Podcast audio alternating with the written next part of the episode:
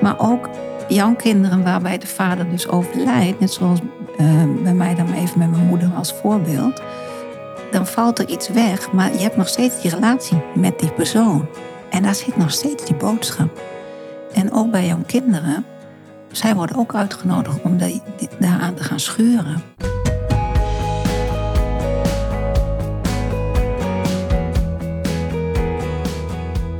Je partner overlijdt. Hoe ga jij verder in je eentje? In mijn podcast Widow Talk interview ik weduwen en weduwnaars. We praten over alle facetten van ons verlies, de effecten daarvan en hoe we het leven weer op kunnen, nee, moeten pakken. Ook spreken we met bedrijven en andere experts die nabestaanden helpen hun leven weer op orde te krijgen. Met Widow Talk lever ik support voor jou na het verlies van je partner. Welkom, fijn dat je luistert.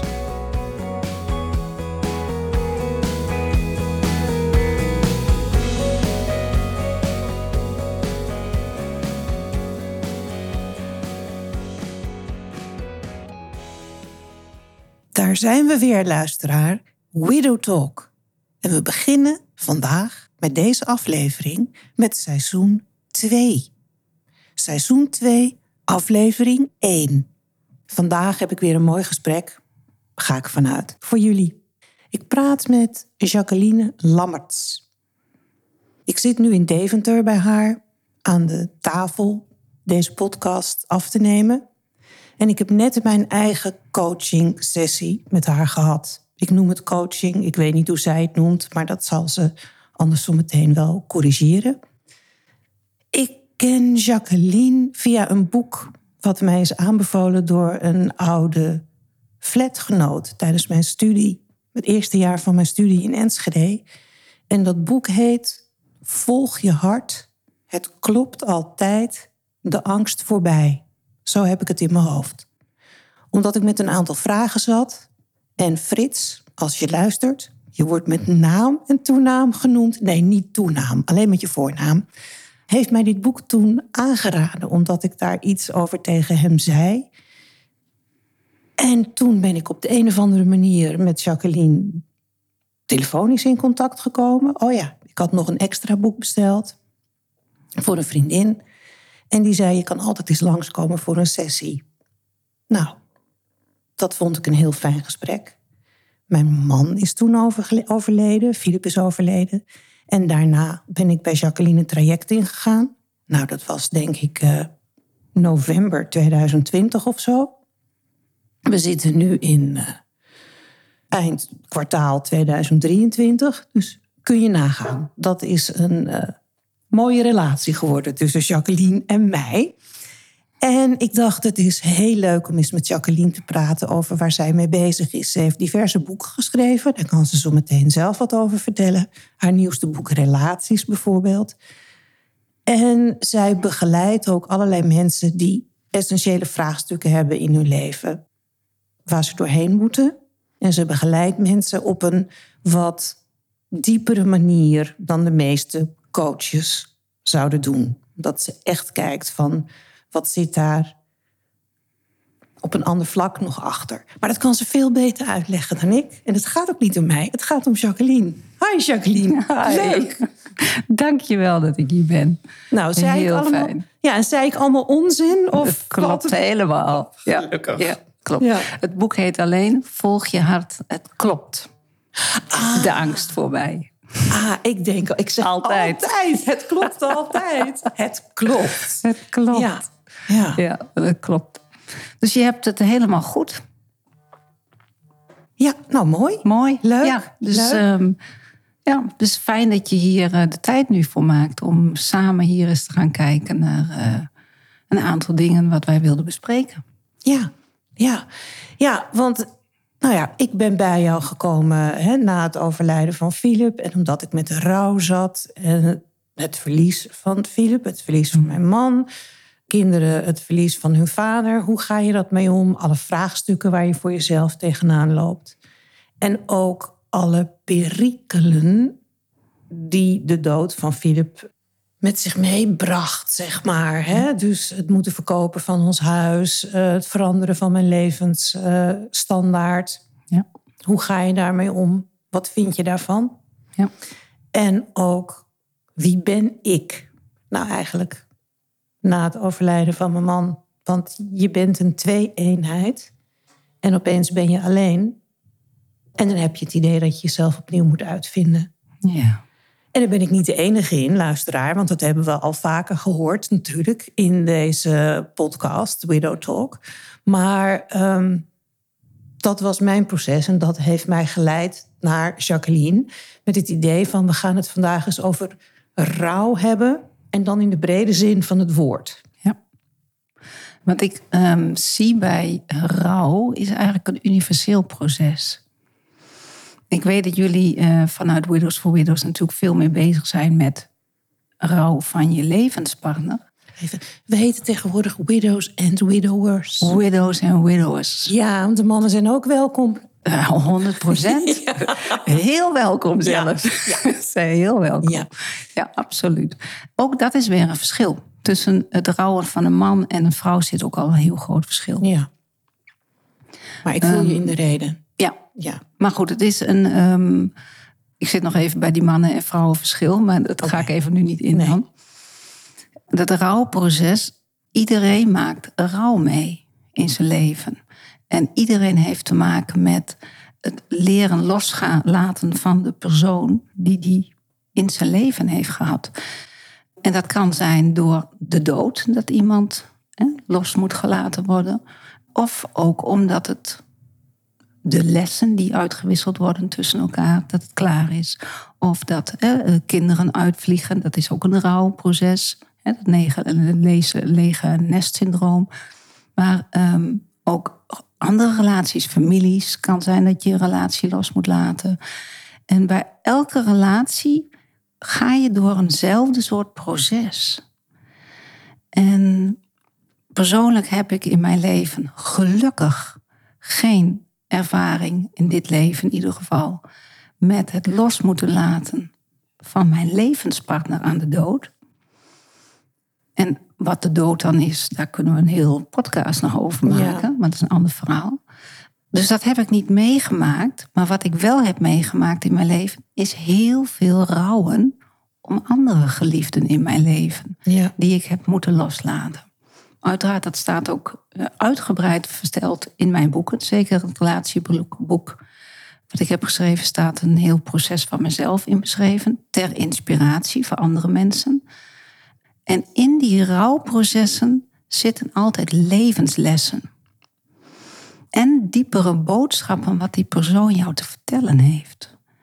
En wat er gebeurt. eh, Ik heb door mijn eigen processen trek ik ook mensen aan die dus met rouw te maken hebben. Ook met levenspartners die overlijden. Net zoals bij jou. Ehm, en wat ik dan zie is dat je als je levenspartner wegvalt, en dat kun je zometeen zelf wellicht mooi aanvullen, dan valt jouw basis weg. Je, je, je bodem valt onder je leven weg. Je, je bestaansrecht. Je, je, je bent de helft. En vaak voelen mensen zich nog minder dan de Ja. helft. En op dat moment kun je je nergens meer aan vasthouden. Maar wat er tegelijk gebeurt is, er wordt gelijk ook zichtbaar waar een aantal boodschappen zitten die uitgewisseld zijn tussen jouw partner en jou. En die boodschappen en lessen, levenslessen, die worden zichtbaar juist als die persoon wegvalt. Want we gaan er vaak van uit dat als de persoon is, dan wordt alles ingevuld en dan heb je een soort symbiose op een gegeven moment. Maar juist als de persoon wegvalt, krijg je te zien wat jij tot nu toe nog niet hebt gedragen in jezelf. Eh, of je krijgt, zoals bij jou, dingen te zien waarvan je helemaal niet wist dat je daar eigenlijk al jaren in zat. Ja. En daarachter zitten altijd lessen en die boodschappen. En dat is heel belangrijk om dat te durven aan te kijken zoals je dat wel bent aangegaan. Moest ook, want je kon ook niet anders. Ehm, en wat ik zie is dat mensen die hun levenspartner eh, los moeten laten, want het is weg fysiek, dat ze de neiging hebben om vast te gaan klampen aan beelden, aan dingen wat ze toen hebben meegemaakt samen, aan dat oude, vertrouwde. En dat is heel moeilijk om dat los te laten, want als ze dat loslaten, dan zijn ze bang dat ze die persoon ook kwijt zijn, kwijtraken. Ja, dat, dat wordt gekoppeld. Dat wordt gekoppeld. Herken je dat bij jezelf? Voor een deel wel, ja. Ja. ja. ja. En uh, als je dat dan gekoppeld aan elkaar hebt, dan wil je eigenlijk vast blijven zitten. En vasthouden wat je hebt. Wat je had, eigenlijk, beter gezegd. En als je voelt van, ik kan eigenlijk niet verder, dan is dat de ingang om stil te gaan staan en te kijken. Maar ik moet verder. Ja. Ik kan niet anders dan, want ik leef. Ja. Ook al heb je het gevoel dat je volledig niet leeft. En dat is wat, dat heb je wellicht zelf ook ervaren. Dat op het moment dat iemand overlijdt, en hier nu even je levenspartner, maar in mijn eigen leven neem ik even het voorbeeld: mijn moeder is jong overleden. Toen ik uh, 23 was, is ze uiteindelijk na acht jaar lang borstkankerprocessen is ze overleden. En toen viel bij mij dus ook de bodem weg. Ik zat volledig vast aan mijn moeder, volledig. En dat had ermee te maken dat toen ik twee was, mijn ouders gingen scheiden en ik bij mijn moeder bleef met mijn zus. En mijn moeder was mijn enige houvast. Ja. Zij was alles voor mij. En toen viel zij weg. En dat was het grootste op dat moment in mijn leven. Later is, zijn er wel meer, is er meer ja. gekomen. Um, aan om aan te leren. Was dat het grootste dat mijn leven ook helemaal wegviel. En um, later, doordat ik niet anders kon dan doorgaan. Want het leven gaat door. Ook al heb jij het gevoel dat de wereld stilstaat als jij je partner of een geliefde kwijtraakt aan de dood. Jouw leven staat stil, maar ieder ander leven gaat door. En dan is het aan jou om door die pijnen heen te gaan, door het verlies heen te gaan. Niet willen vasthouden in je hoofd aan die plaatjes van andere mensen, van de mensen die je kwijt bent geraakt. En daar kunnen we heel lang in blijven zitten, in dat hoofd, met plaatjes. En we gaan ook vaak ons schuldig voelen dat wij er nog wel zijn en hij of zij er niet ja. meer is. En had ik maar anders en was ik maar anders. En zeker als het plotseling gebeurt, had ik dit nog maar gezegd of had ik dat. Dus heel veel in ons hoofd blijven zitten. En mijn moeder heeft mij geleerd, of liever gezegd, het proces van loslaten met mijn moeder. Hoe ik vast was gaan zitten in mijn eigen hoofd, in angst en um, durfde mezelf niet meer te laten zien aan de buitenwereld en maakte het steeds kleiner. En wat mijn moeder niet heeft gekund, is trouw zijn aan haar hart. Zij heeft zichzelf heel vaak verlogend voor de buitenwereld, als het maar goed ging voor haar kinderen enzovoort. En dat herkennen mensen vast, zeker jij ook. Hè? Dan valt je partner weg en dan cijf je jezelf weg, want je wil dat de kinderen door kunnen gaan. Ja. En daarin verlies je jezelf het contact met je eigen verdriet. Want jij bent de partner. Ja. En dat slaan we dan ergens op. En dat blijft dan liggen. En dat gaat rotten. Dat gaat stinken. En dat, je kunt er zelf ziek van worden. En mijn moeder heeft dat niet kunnen integreren in haar leven. Dat ze trouw bleef aan zichzelf. En dat ze haar levenspad is gaan vervolgen. Ondanks dat ze dan misschien bij mijn stiefvader weg moest, enzovoort, enzovoort. En zij koos voor de financiën en het geld om voor haar kinderen te kunnen zorgen. En uiteindelijk is ze overleden. En toen kreeg ik dus met mijn eigen verdriet te maken en het loslaten van mijn moeder. En doordat ik daar doorheen ben gezakt, door al dat verdriet en mijn boosheid en mijn machteloosheid en mijn verdriet en pijn. Toen ik daar doorheen ging zakken, toen voelde ik steeds meer wie ik was. Steeds meer kwam ik bij mezelf. En ik zakte door die dikke laag boosheid, machteloosheid, frustraties heen. En ik kwam steeds meer thuis in mezelf. En toen kreeg ik op een gegeven moment zelf een dochter. Met eenzelfde soort man. Als mijn stiefvader was voor mijn moeder. En toen begreep ik de boodschap, de diepere boodschap van mijn moeder. Dat ik niet voor mijn kind moest blijven. Zoals veel relaties doen, omdat ze denken: ik ben niet meer blij in de relatie. Ik ga maar voor de kinderen blijven. Maar de boodschap is, wat mijn moeder mij heeft geleerd, meegegeven, onbewust.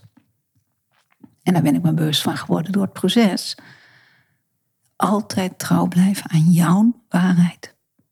En dat ben ik gaan doen. Ik ben dus uiteindelijk wel bij deze man weggegaan, wat mijn moeder niet heeft gekund. En dat heb ik mijn dochter ook weer meegegeven. Dus wat er ook in je leven gebeurt, met welke relatie dan ook, dat doet altijd pijn. Ook dat is een, een relatie loslaten. Ehm, is altijd weer rauw, is pijnlijk. Ook voor de kinderen. Dus ook voor mijn dochter was het heel pijnlijk.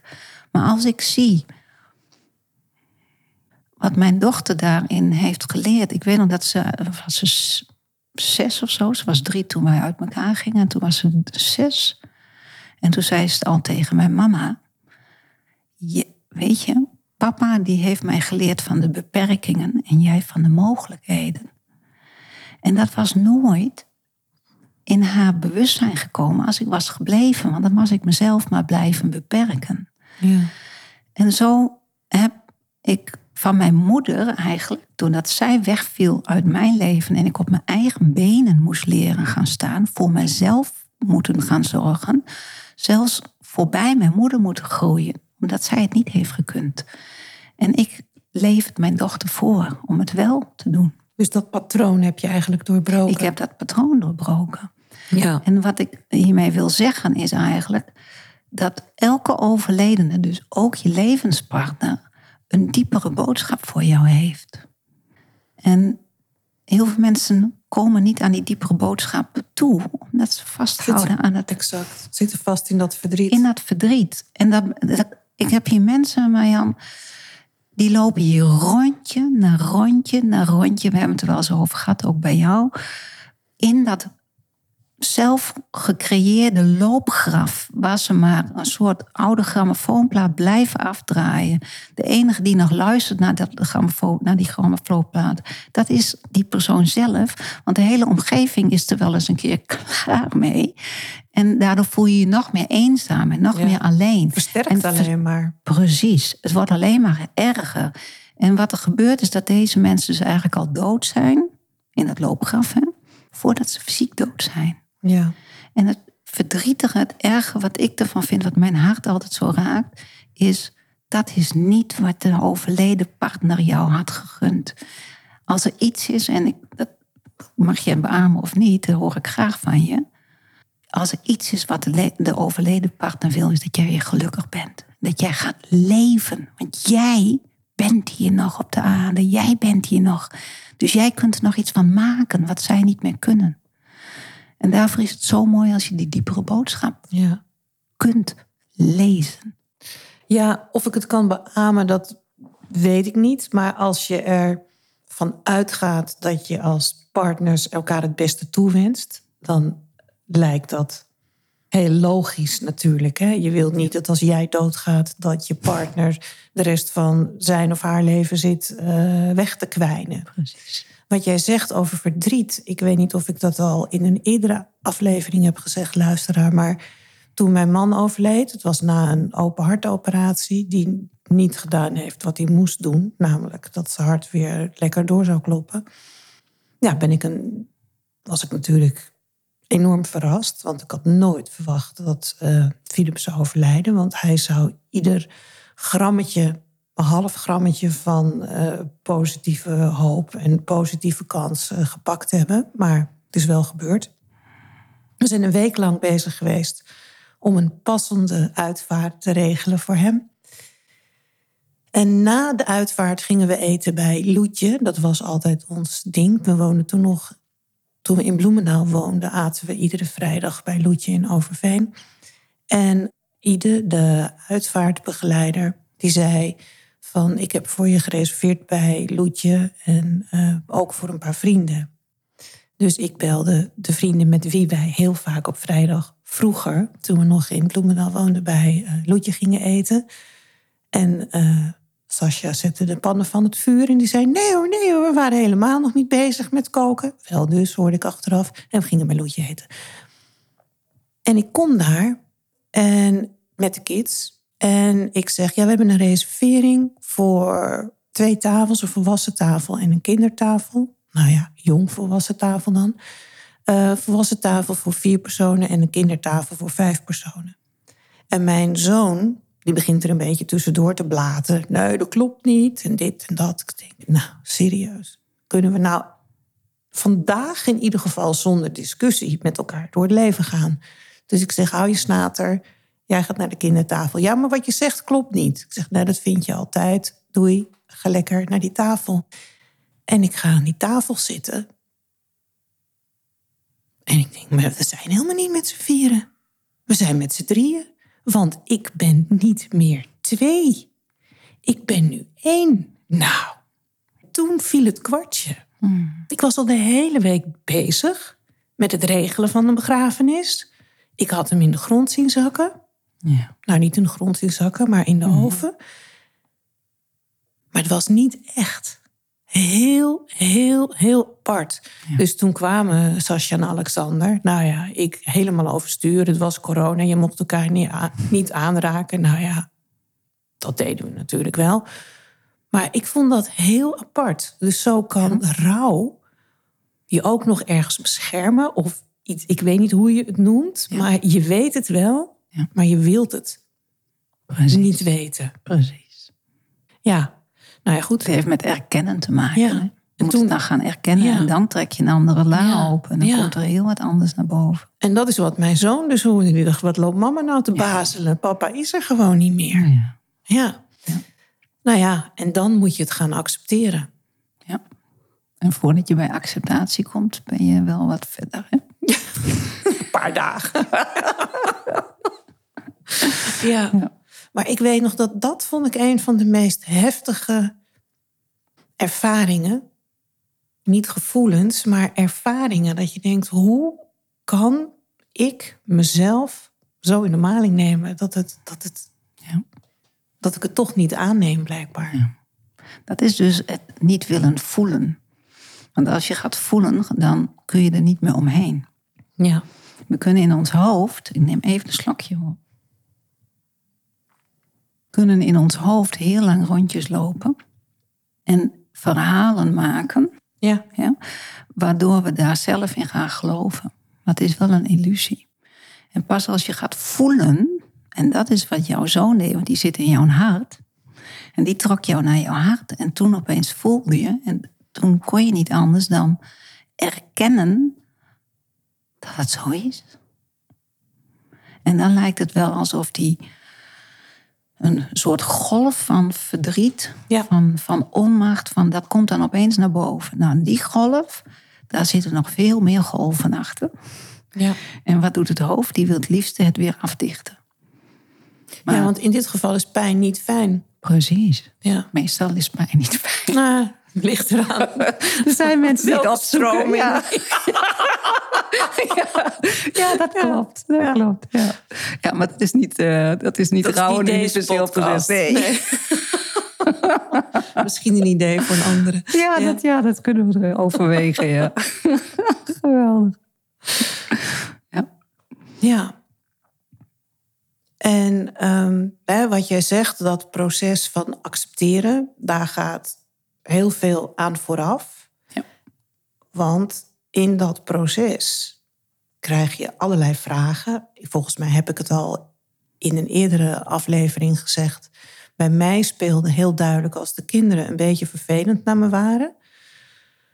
En dat waren ze natuurlijk. Ik ben niet altijd even leuk, lief en makkelijk. Ehm, de kinderen gingen natuurlijk door van alles heen. Eigen rouwproces, ja. Op een leeftijd dat ze daar liever, of persoonlijkheden, dat kan ook, dat ze daar liever niet over wilden praten en dat op hun eigen manier uh, wilden doen. Dat ik ook heel erg ging twijfelen. En zelfs ook een schuldgevoel had en dacht van, waarom ben ik eigenlijk niet dood? Ja. En was het niet veel beter geweest voor de kinderen als Philip nog geleefd had? Want Philip wist beter dit en die kon beter dat. Dus ik maakte mezelf heel klein. Precies. Ja. En was ervan overtuigd dat de verkeerde dood was gegaan. Ja. Wat natuurlijk eh, een uiterst eh, oncomfortabel gevoel is, om het maar zo te zeggen. Ja. Dat, dat zijn dan wel wat donkere eh, dagen. En je kan het ook niet vragen aan de kinderen, want kinderen kunnen daar natuurlijk helemaal geen antwoord op geven. Het feit is dat het is zoals het is. Ja, ja, En ehm, daar heeft een ieder mee te dealen. En de vraag is, wil je ermee dealen of niet? ja. En ehm, dat is ook wat er bij jou natuurlijk gebeurt. Hè? Jij moest jouw proces ingaan. En daarin zie je ook dat jij, eh, wat je gaf, hè, dat je je kleiner voelde, dat je je weg ging cijferen. En, maar dat is ook wat je vaak ziet in je leven dan als thema. Dat je de neiging hebt om jezelf kleiner te maken. Of dat regelt iemand anders wel. Of dat kan ik niet. Of... En als ik kijk ook bij jou in het proces, zonder dat ik het ga invullen, zijn er natuurlijk ook hele mooie groeimomenten. Ja. Juist doordat iemand wegvalt. En daar Klopt. zit zeker die diepere boodschap achter. Dat jij veel meer in je kracht gaat staan. Uiteindelijk. Want het is een proces. ja. Dus wat zijn, wat zijn die diepere boodschappen of kwaliteiten die jij van jezelf hebt ontdekt, doordat jij wel moest toen Philip er niet meer was? Wat zijn dat voor kwaliteiten waar je achter bent gekomen? Nou, wat ik me realiseerde, is dat je in een huwelijk in een bepaald rollenpatroon komt. Hè? Je werkt allebei, of de een werkt en de ander werkt niet. Eh, de een doet de boodschappen, de ander kookt. Zo, zo kan je allerlei rollenpatronen hebben.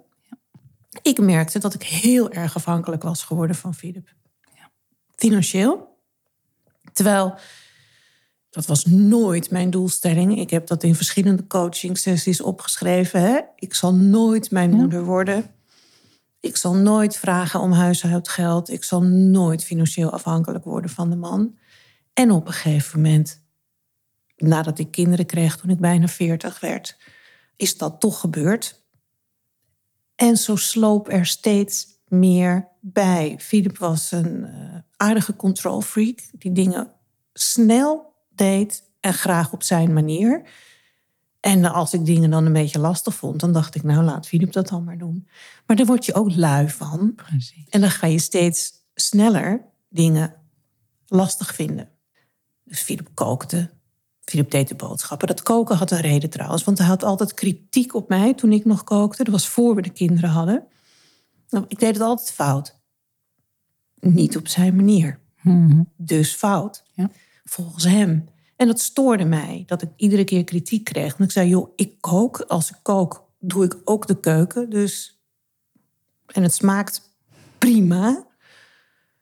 Dus hou je ongetwijfeld opbouwende feedback gewoon voor je.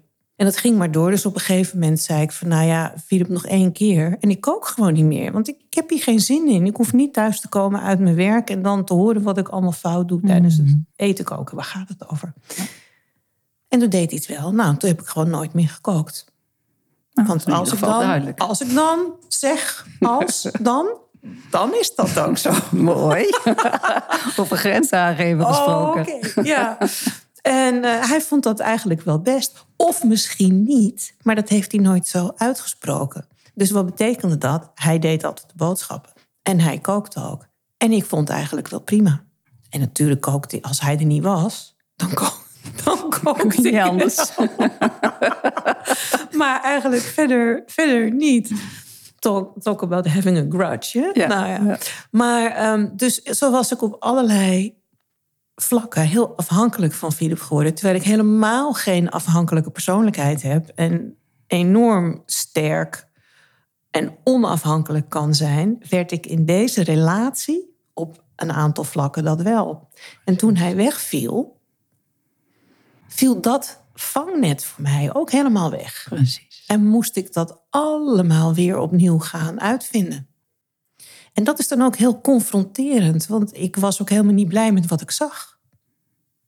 En ik realiseerde me ook dat ik nou, toch wel een heel groot beslag op Philip had gelegd met die afhankelijkheden. Mhm. Wat hij ook heeft toegelaten. Dus ik hoef het niet alleen. uitwisselingen. Ja, ik hoef het niet alleen bij mezelf te leggen. Maar ik vond geen mooi plaatje. En dat maakt het proces ook nog weer eens wat lastiger. Want dat moest ik er opeens ook allemaal Ja, bij gaan veel. doen. Ja, heel veel. En dan de financiële eh, afhankelijkheid, het gebrek aan inzicht. Ja. Want Philip wist alles van mij. Die kon overal in. Die wist alle passwords, al mijn mail kon die lezen. Dat was voor mij wat dat betreft zeer weinig privacy. Ja. Maar ik wist niks van hem op dat vlak. Ja. Dus dat waren heel veel moeizame ontdekkingen. Waar we ook weer niet altijd blij van. eh, zijn geworden. ja, Ja, dat Ja. begrijp ik. ja, Maar daar zitten wel heel veel lessen aan die je daardoor hebt mogen leren. klopt. En eh, die lessen, als eenmaal doorleefd zijn, dan komt er, kom je op een bepaalde laag uit van dankbaarheid en een soort verrijking. En een stuk zachtheid of mildheid in jezelf. Ook naar wat er heeft plaatsgevonden. Omdat je door die boosheid en door het verdriet en door de machteloosheid heen zakt. Hè, dat is die laag waar je dan liever even niet heen wil. In dat hoofd. Dus het oude liever vasthoudt. Maar als je daar doorheen zakt, dan op een gegeven moment, en dat is een proces, hè, dat is niet gelijk eh, in het begin, zeker niet. Maar dat je op een gegeven moment, wat je ook aangaf, hè, je, je voelt je veel krachtiger, je staat veel meer in je eigen eh, centrum en je bent veel zichtbaarder voor jezelf ook eh, geworden. En daarmee naar de buitenwereld. Ja, En ehm, dan zou je ook met heel veel dankbaarheid terug kunnen kijken naar wat je eigenlijk hebt meegemaakt. Tenminste, op het moment dat je het hebt doorleefd en alles hebt doorvoeld, dus zeg maar al die shit die je dan voelt, hè, alle boosheid, verdriet en machteloosheid en eenzaamheid en schuld en als je daar doorheen gaat en je noemt dat zeg maar shit, en je gaat daar doorheen werken, en dat is een proces. En als je dat proces hebt doorleefd, dan worden die shit wordt voedingsstofjes waaraan je kunt groeien. En daar zit die diepere boodschap dat jij in staat bent om, net als ik bijvoorbeeld, wel dingen te kunnen doen die mijn moeder koos om niet te gaan doen, aan te gaan. ja, En net zoals bij jou, als je nu kijkt, we zitten hier een podcast te doen. Je hebt een hele installatie hier even geïnstalleerd. hè? Heel Ja. cool, hele coole vrouw ben jij. En dat doe jij. Maar Ja. dat had je niet gedaan als eh, in de situatie anders was geweest. klopt. Hoogstwaarschijnlijk. Want dan was Widows voor... Nee? Widows, and widowers. dat, die die was, was er niet gekomen. Snap je? We hadden hier helemaal Ja. niet gezeten. En moet je eens kijken wat een verrijking. Want wij praten hier nu met allemaal luisteraars die, die in, in verschillende fases zitten van hun proces. Ja, En eh, dat wij wellicht weer een steentje bij mogen dragen daaraan. Maar dat heb jij allemaal in die verrijkingslaag gemanifesteerd. En ik kan je alleen maar vertellen, en dat kan ik dan voelen, is dat Philip heel trots is op jou.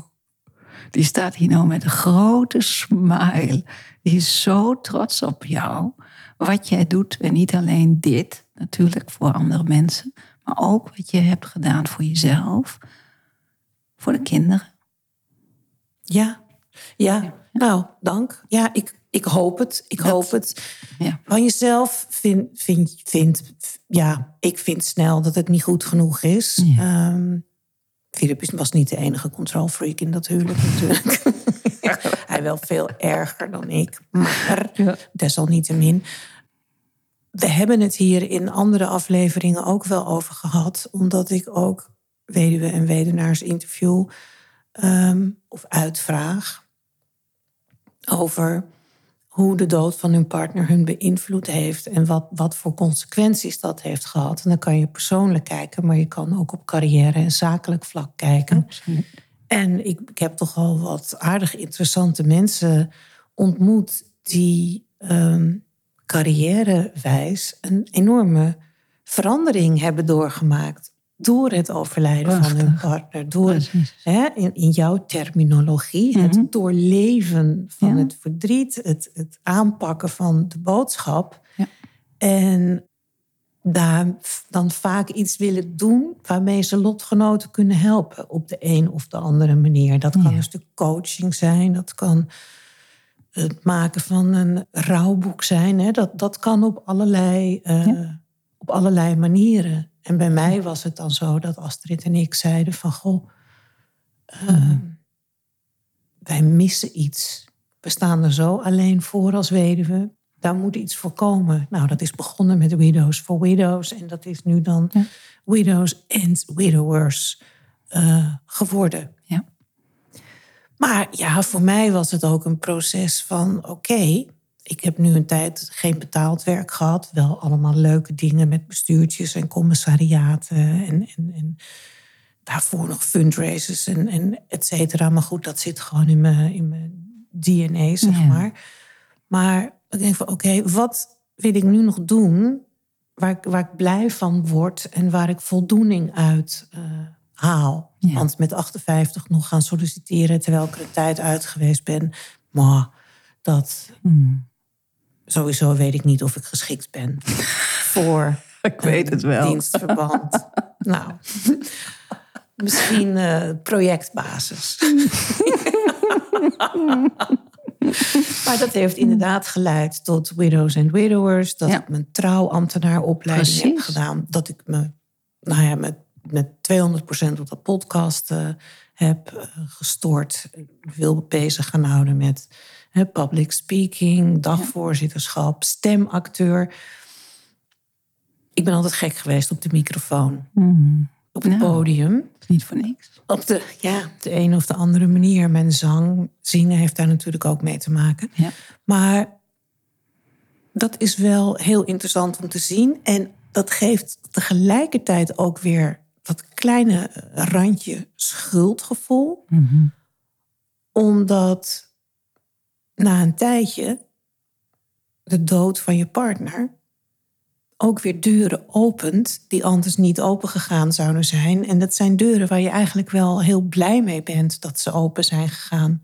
Maar dat gebeurt alleen maar doordat die andere er niet meer is. En dan kan ik denken, oh wat lekker, ben ik me aan het ontwikkelen. Maar tegelijkertijd hebben mijn kinderen daardoor mhm. geen vader mhm. meer. En dat zijn ja, toch ook wel weer hele conflicterende eh, gevoelens dan. Ja, en dat begrijp ik. En ehm, dan zitten we even op mijn uh, level. Ja. ik zit ergens op niveau 1 en Jacqueline nee, nee, op niveau 88. Whatever, whatever that means. ik wil alleen aangeven dat ehm, wij allemaal, voordat we hier komen, met contracten komen. En wij willen hier allemaal groeien. En we kunnen het beste groeien. Hoe slijp je een kristal door hem te slijpen? En een diamant wordt alleen maar mooi als die geslepen wordt. Hè? En wij komen hier allemaal om aan elkaar te leren, te schuren aan elkaar. En dat kan je vader zijn, je moeder zijn, je kind zijn, je werkgever zijn, een collega zijn. Uh, maar het kan ook je partner en je kinderen. Zeker je partner en je kinderen die heb je niet zomaar aangetrokken. Die komen niet zomaar bij jou, omdat je samen wat uit te wisselen hebt. En wat ik, ik noem dat altijd, dat je dan bepaalde thema's hebt die je samen wilt gaan afvinken. Een soort contract, zullen we maar zeggen. En een thema is bijvoorbeeld dat je op jezelf mag leren gaan vertrouwen. Of trouw zijn aan jezelf noem maar even een thema.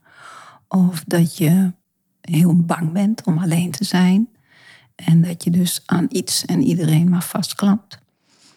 En dan krijg je dus uiteraard te maken met situaties waarin je steeds alleen komt te staan. Of je wordt gepest, en je bent buiten de groep. Of je komt, je partner overlijdt. Of um, je wordt steeds afgewezen. Ik noem maar even iets. Ja. Um, en al deze mensen die op jouw pad komen, komen niet zomaar op jouw pad. Niet alle mensen die je tegenkomt in de, in de, in de winkel of wat dan ook. Hè, daar heb je niet een contract mee. Maar wel met de belangrijke mensen. En al deze mensen hebben iets samen uit te wisselen. En jouw kinderen hebben net zo goed met Philip een, zeg maar, een soort contract om aan te slijpen. En als ik dan weer even terugga naar mijn dochter. Ze is nu 17. En ik dacht altijd dat zij dat allemaal heel erg heftig heeft meegemaakt. Omdat het voor mij die tien jaar alleen met haar zo heftig heb ervaren. Maar als ik het haar vraag, zegt ze: Mama, ik heb juist een hele mooie jeugd gehad. En ik ben er juist heel erg van gaan groeien. En ik begrijp heel veel dingen omdat jij dat mij hebt voorgeleefd en hebt verteld. Dus zij is ook door het hele proces verrijkt. En ze heeft nu een veel betere relatie met de vader dan toen ik erbij was. Want dan zat ik er altijd tussen. Ja. Die kennen we vaak ook. Dan word je een stoorzender. Dan word je stoorzender, maar eigenlijk ook een buffer, omdat de andere twee nog wat uit te wisselen hebben met elkaar. En omdat jij er steeds bij bent, kan dat niet plaatsvinden, snap je? Ja. En dat is, daar heb ik het nu even over scheidingen. Maar ook jouw kinderen waarbij de vader dus overlijdt, net zoals uh, bij mij dan even met mijn moeder als voorbeeld, dan valt er iets weg, maar je hebt nog steeds die relatie met die persoon. En daar zit nog steeds die boodschap. En ook bij jouw kinderen, zij worden ook uitgenodigd om daaraan te gaan schuren. En dat is niet leuk. Ik, heb, ik zal nooit zeggen, het leven is leuk. Weet je, het is wel heel bijzonder. Ja, ja heel bijzonder. Maar leuk, ik weet het niet, het is een rollercoaster. Bij vlagen is het bij leuk. Vlagen. Bij vlagen is het leuk. Het is, weet je, en ik zeg altijd ride waves. Dus ga bovenop die golven. En het is ups en downs en ups en downs. Maar heel veel mensen zitten helemaal in die diepte, in, in, in het water, helemaal verzonken. En ja, dan verdrink je. En dat is wat veel mensen waarschijnlijk ook voelen als een partner wegvalt. Ja. Dat je het gevoel hebt dat je verdrinkt. Absoluut. Je, snap je? En um, uh, dan is het erg donker. En het is belangrijk dat je weer terug leert surfen, zullen we maar even zeggen, uh, weer naar het licht toe. Ja. En dat je ook de boodschappen gaat zien. En dat je die shit, want het is echt shit als je dit meemaakt. En heel heftig en je voelt je heel eenzaam en alleen. Dat je toch uit gaat reiken om hulp te vragen, om handvaten en inzichten met name te krijgen hoe jij je hebt opgesteld. Een stuk heling mag plaatsvinden, zeker ook op dat schuldgevoel wat je dan vaak hebt. Ja. Um, en het grotere plaatje gaat doorzien. Want als je het grotere plaatje gaat zien, dat ook jouw kinderen um, hun lessen te leren hebben, net zoals jij ten opzichte van jouw ouders weer enzovoort, hè, generaties terug. Je hebt lessen te leren en zij ook. En wie zijn wij om hun die lessen niet te gunnen? En dat betekent niet dat het leuk is, hè, die lessen. Ja. Snap je? Ja. Maar ook zij zijn blijkbaar zo stevig, diep van binnen, dat ze dit kunnen aangaan. Ze moeten. Precies. Ook wel. Je hebt geen keus. Nou ja, je kan natuurlijk in. Verdrinken. Ja, of in denial. Hoe zeg je dat in goed Nederlands? In, Ontkenning. Uh, ja, dankjewel. Gaan leven. Ja. Ja. En dan ben je dus aan het overleven in dat rondje wat ik net zei, Ja. hè, dat loopgraf. Ja. En dat zijn natuurlijk heel veel mensen die dat nog doen. Vooral de tweede geboorte steeds meer. Mensen worden steeds meer bewust en voelen dat er van alles te voelen is. En dat komt omhoog. En hoe deel je dan met dat wat omhoog komt? Ieder, ja, ik gun altijd ieder zijn eigen shit. En dat bedoel ik echt met liefde. Omdat ik weet, uit die shit komt zulke mooie bloemen. Daar word je zo mooi van. En kijk Ja. naar jezelf hoe, hoe stevig en meer zichtbaar je bent geworden. Wat je doet en wat je allemaal wel niet op je, op je bord kreeg. Nou, pet je af. Het is mooi dat jij dit zegt. Ik ben een eh, dame tegengekomen op een podcastdag. Mhm. Die gaat ook een keer hier te gast zijn. Nou, niet hier, want ik zit nu bij jou aan tafel. Ze is welkom. Maar, eh, bij mij aan tafel in Amsterdam. En even heel goed nadenken. Jacomijn, wat de titel ook alweer is van jouw podcast. Shit is de mest voor groei. Prachtig. Zoiets. Ja. Als ik hem verkracht, Jacomijn, sorry. Dan gaan we dat in een volgende aflevering rechtzetten. Maar juist wat gebeurt er met mensen na alle ellende? En hoe komen ze er weer bovenop? En hoe groeien ze? Dat, dat resoneert heel erg met wat jij nu zegt. Ja. En Dat, dat is het. En dat bedoel ik dus met shit. Als je veel mee hebt gemaakt, en ik kan zeggen, en jij ook, dat wij allebei heel veel hebben meegemaakt in ons leven. En ik kan alleen maar heel dankbaar zijn. En als ik dat tegen bepaalde mensen zeg, die niet door die shit in zichzelf, dus die thema's en lessen hebben doorleefd, die begrijpen niet dat ik dankbaar ben voor alles wat ik heb meegemaakt. Ehm, maar ik ben het echt. Omdat ik daar niet meer ben. Ik ben niet meer, zeg maar, in dat loopgraf. Ik ben daar uitgeklommen. Ik ben gaan groeien. Ik ben daar, nou ja, van die shit, die voedingsstoffen omgezet in wie ik ben. En um, daar kan ik alleen maar zeggen dat ik heel trots op mezelf ben. En dat ben ik ook op jou. Als je ziet wat jij allemaal hebt gedaan. En ik hoop ook, als je naar jezelf kijkt, naar waar jij doorheen bent gegaan en waar je nu staat, uh, dat je trots op jezelf bent. Bij vlagen. ja, Werk in uitvoering. Ja, zit niet zo in mijn aard om nou echt trots op mezelf te zijn. Hmm. Maar dat denken mensen wel, maar dat, dat is helemaal niet zo. Uiteindelijk zit er achter dat uh, grote, luidruchtige uiterlijk ook maar een klein, uh, kwetsbaar uh, vrouwtje. Maar als ik bijvoorbeeld kijk naar. Hè, ik heb in mijn eentje het huis verkocht, ons mooie huis. Ja. Ik heb een huurflat gevonden, appartement moet ik zeggen. Ik heb nu net een huis aangekocht in mijn eentje, laten verbouwen in mijn eentje. Ja, dat waren processen, daar heb ik heel veel van geleerd. En die zou ik anders nooit zo gedaan hebben, want Filip was daar altijd leidend in. En ik had natuurlijk absoluut mijn stem. Hè. Ik liet niet passief over me inlopen. Dat kan iedereen wel beamen. Maar Filip had daar meer ervaring in, die wist hoe dat moest. Dus die regelde heel veel dingen en ik gaf aan wat ik wilde. En dat gebeurde dan. En een deel begeleide ik zelf natuurlijk ook. Maar zelf een huis kopen in je eentje, doodeng. Ja, Een enorme verantwoordelijkheid. Zo'n verbouwing in mijn eentje doen, nou, dat, dat vond ik vreselijk. Toen ben ik mezelf ook weer tegengekomen. Want Filip en ik waren het over weinig dingen eens. Maar verbouwingen vonden we fantastisch samen. Daar mhm. sneuvelen huwelijken op. En wij, die toch een aardige vechtrelatie hadden met z'n mhm. tweeën, konden ons konden elkaar zo vinden in een verbouwing. Dat vonden we, hoe groter de verbouwing, hoe leuker. Ja. Maar wel een hele duidelijke taakverdeling. En opeens moest ik dat allemaal zelf doen enerzijds heel verhelderend om te zien dat Philip toch ook best wel heel veel deed in zo'n proces. En vooral hoeveel tijd dat kost, die hele technische begeleiding, het onderhouden van alle relaties met, het, met de toeleveranciers. En het dan echt allemaal zelf moeten doen is heel eenzaam. Ja. En daar was ik dan ook wel trots op dat het lukte. En toen bleek ook nog dat een deel van de mensen met wie we.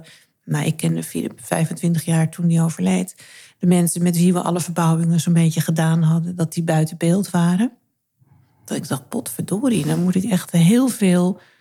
Het zal ook wel onderdeel van mijn les zijn nu, want nu moet ik zelf dus nieuwe mensen gaan zoeken. Ja. De meneer van de keuken, die, die was er wel voor me nog. En die heeft ook nog op andere vlakken geholpen. Dat was heel fijn, dat was dan mijn mhm. houvast.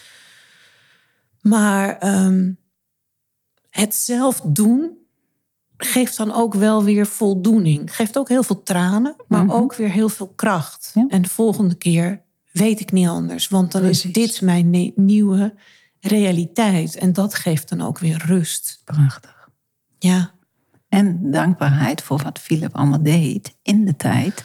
Waar je het vaak hè, maar aanneemt als normaal dat iemand wat doet. En als die wegvalt, dan komt dit ook zichtbaar van wow, wat heeft hij eigenlijk veel gedragen. Wat je niet hoefde te doen. En als je het dan zelf gaat dragen, ten eerste voel je wat de last daarvan is. enorm, enorm. Ja, ik heb absoluut daar postuum voor Philip dan ehm, heel veel dankbaarheid voor. Mm, fijn. Ja. En dat is ook de verrijking. Ja. ja. Want dat was er in het leven niet altijd. Nee. Nee, nee. Nee, mijn huwelijk was niet perfect. Maar ik denk dat er weinig mensen zijn die een perfect huwelijk hebben. Als dat wel zo is, dan spreek je je volgens mij niet uit. Dat is mijn waarheid. Maar, maar eh, ja, dat maakt wel dat je ook op een zachtere manier naar dingen kijkt Precies. In je relatie Ja. uit het verleden. En dat is dan ook wel weer heel fijn. Geeft ook meteen weer aanleiding tot dat stukje schuldgevoel natuurlijk. Hè? Maar ja, daar kan je niks mee, want je kan het niet veranderen. Je kan alleen maar zorgen dat je het dan niet weer op diezelfde manier doet. Hopen dat je dat patroon doorbroken hebt. Ja.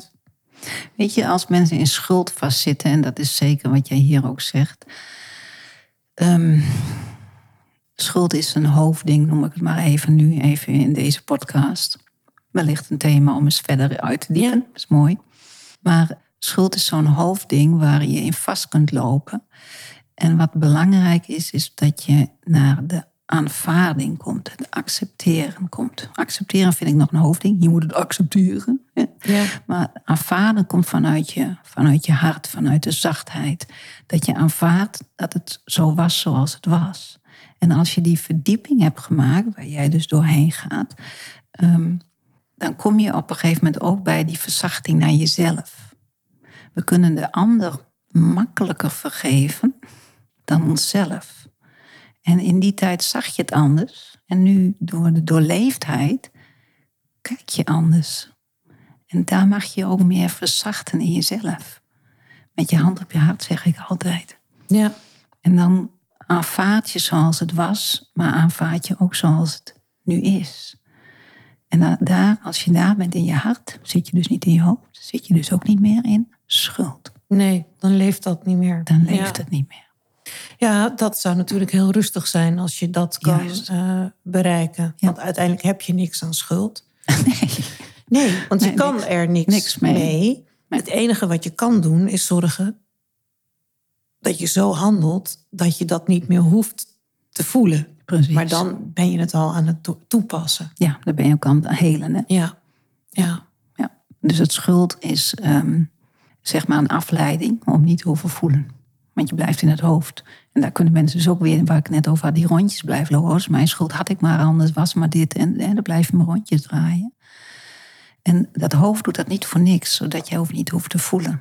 Want het hoofd weet als jij gaat voelen en het shit omzet in voedingsstoffen, ehm, dat hij de controle kwijtraakt over jouw gedachten, waar je met je gedachten bent. ja. En in plaats van dat je gaat doorvoelen wat het allemaal met jou doet, dan zak je er doorheen. En dan verlaat je dus je hoofd en kom je weer in je lijf. Maar daar zit ook je partner, ja, in het lijf. ja. ja. Qua herinneringen enzovoort. Ja, luisteraar, dat is. eh, dat gaat best wel diep. Ja, dat gaat heel diep. Dus misschien twee keer luisteren deze aflevering. en er gaat een tijdje overheen. Absoluut. Maar ehm, ik denk dat een aantal mensen die ik, ehm, met wie ik aan tafel gezeten heb, natuurlijk door vergelijkbare processen zijn gegaan. Ja. En de een gaat er op de ene an- manier mee om en de ander op de andere manier. Maar uiteindelijk ontkomen we er niet aan. En hoor ik toch wel van heel veel mensen, hoe cliché het ook klinkt, dat ze wel het idee hebben dat ze er sterker uitgekomen zijn. Precies.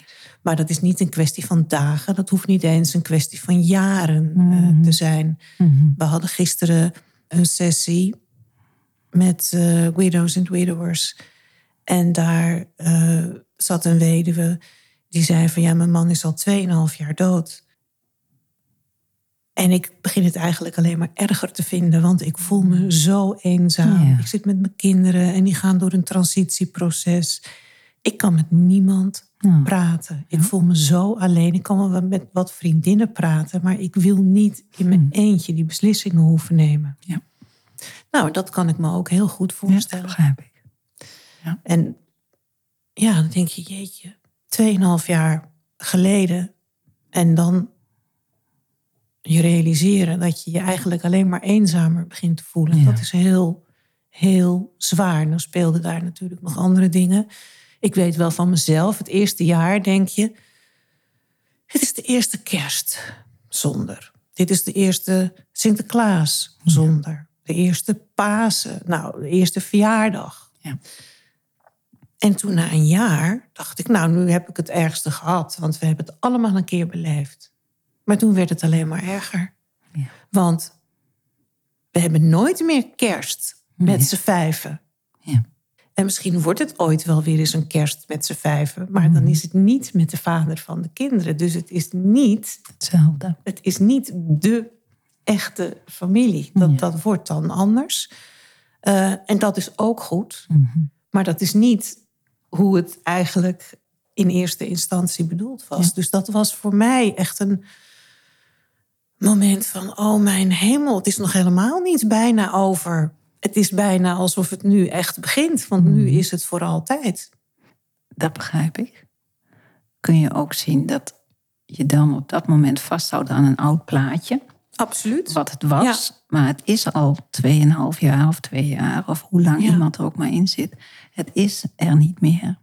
En als iemand zich eenzaam voelt, en als die ene luisteraar die nu luistert, en die voelt zich zo eenzaam, juist alleen omdat het meer wordt, omdat het langere tijd is. Eenzaamheid heeft het woordje één in zich. Heel, kun je het ook zeggen. En waar je voor uit wordt genodigd, is dat je weer teruggaat naar jezelf. En dat je blijkbaar in die plaatjes waar jij het net ook over hebt, waar hè, het blijft Ja. maar wat, wat kerst wat meer en het wordt heel heftig.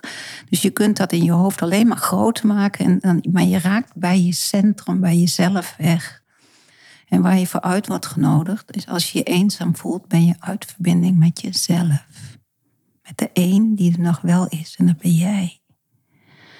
Maar je voelt je eenzaam omdat het samen Ja. met die partner er niet meer is. En je blijft daar in dat beeld, dat eerste beeld waar we het net over hadden aan de bovenkant, daar blijf je in vastzitten. Dus je houdt je vast.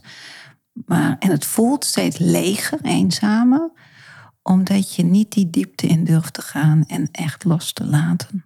En het nieuwe, net wat jij ook zegt, er komt wellicht een nieuwe partner en de kinderen krijgen misschien kinderen en aanhang en bla bla bla. Dus het kan heel groot worden weer aan de tafel. Maar het zal nooit met Philip zijn, want dat moest ook niet zo zijn, want anders was Philip er.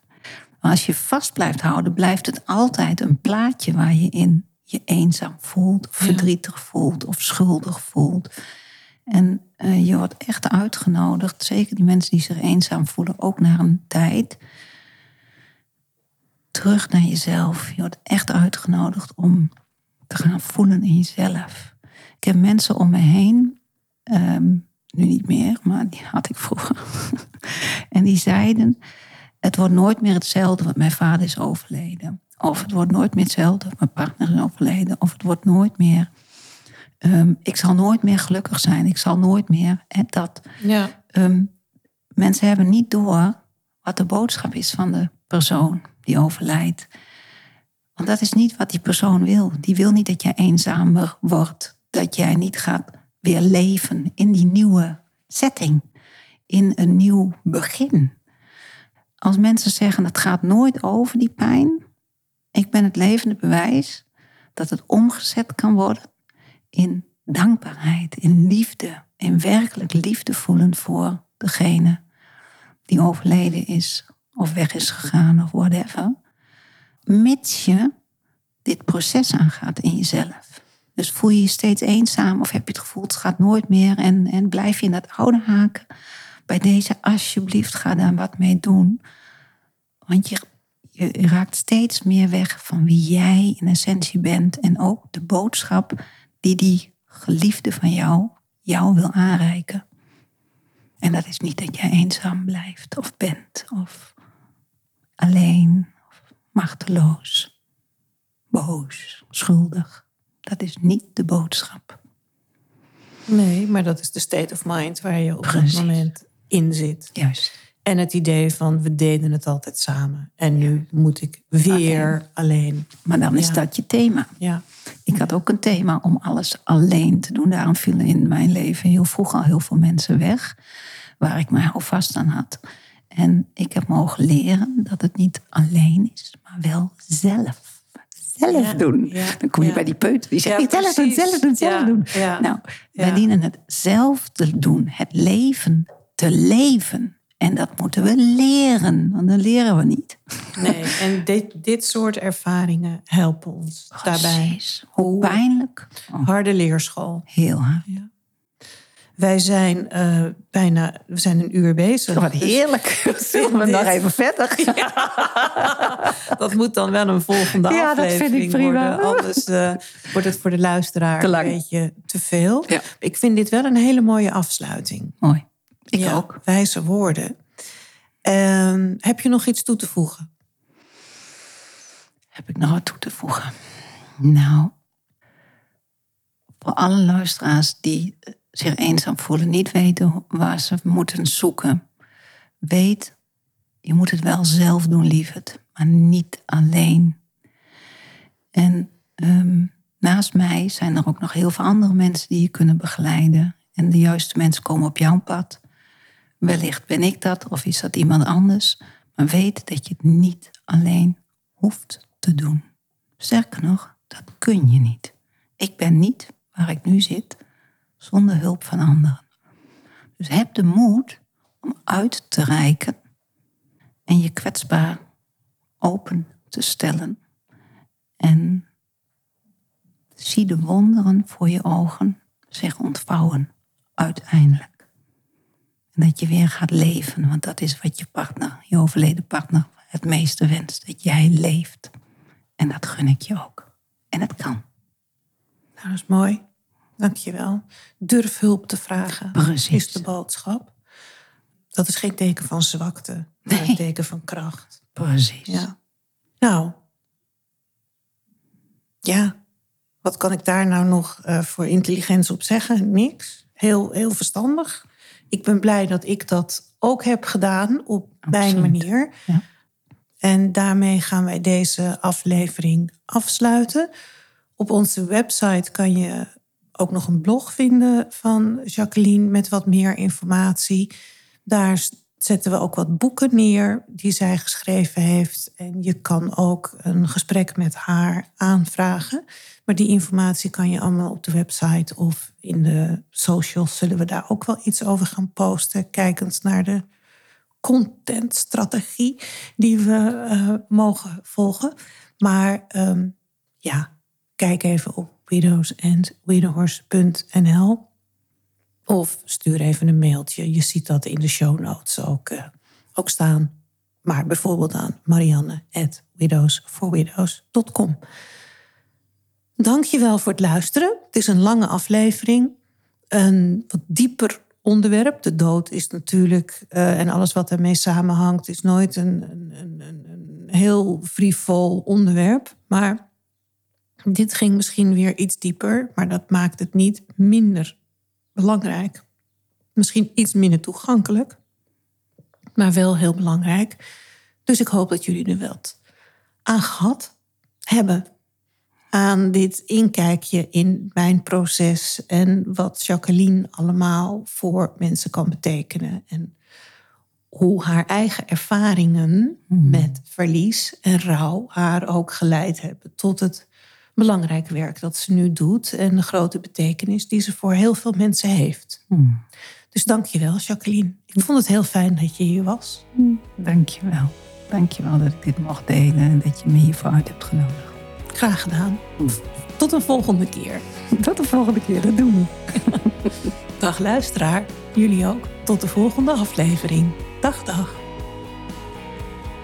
Dank voor het luisteren naar deze aflevering van Widow Talk. Op de website widowsandwidowers.nl, zie de link in de show notes, kan je meer informatie vinden over onze support voor nabestaanden. Daar zie je wat we met widowsandwidowers.nl allemaal doen. Onze activiteiten, blogs, shop en ook een overzicht van onze eerdere Widow Talk afleveringen. We horen graag je feedback via mail en social media. Vergeet je niet je te abonneren op Widow Talk, zodat je geen aflevering mist. Geef je ook nog even een review of een rating zometeen. We stellen het ook heel erg op prijs als je Widow Talk wil aanbevelen bij mensen waarvan jij denkt dat ze er behoefte aan kunnen hebben. Dank je wel. Stay tuned. Tot de volgende keer.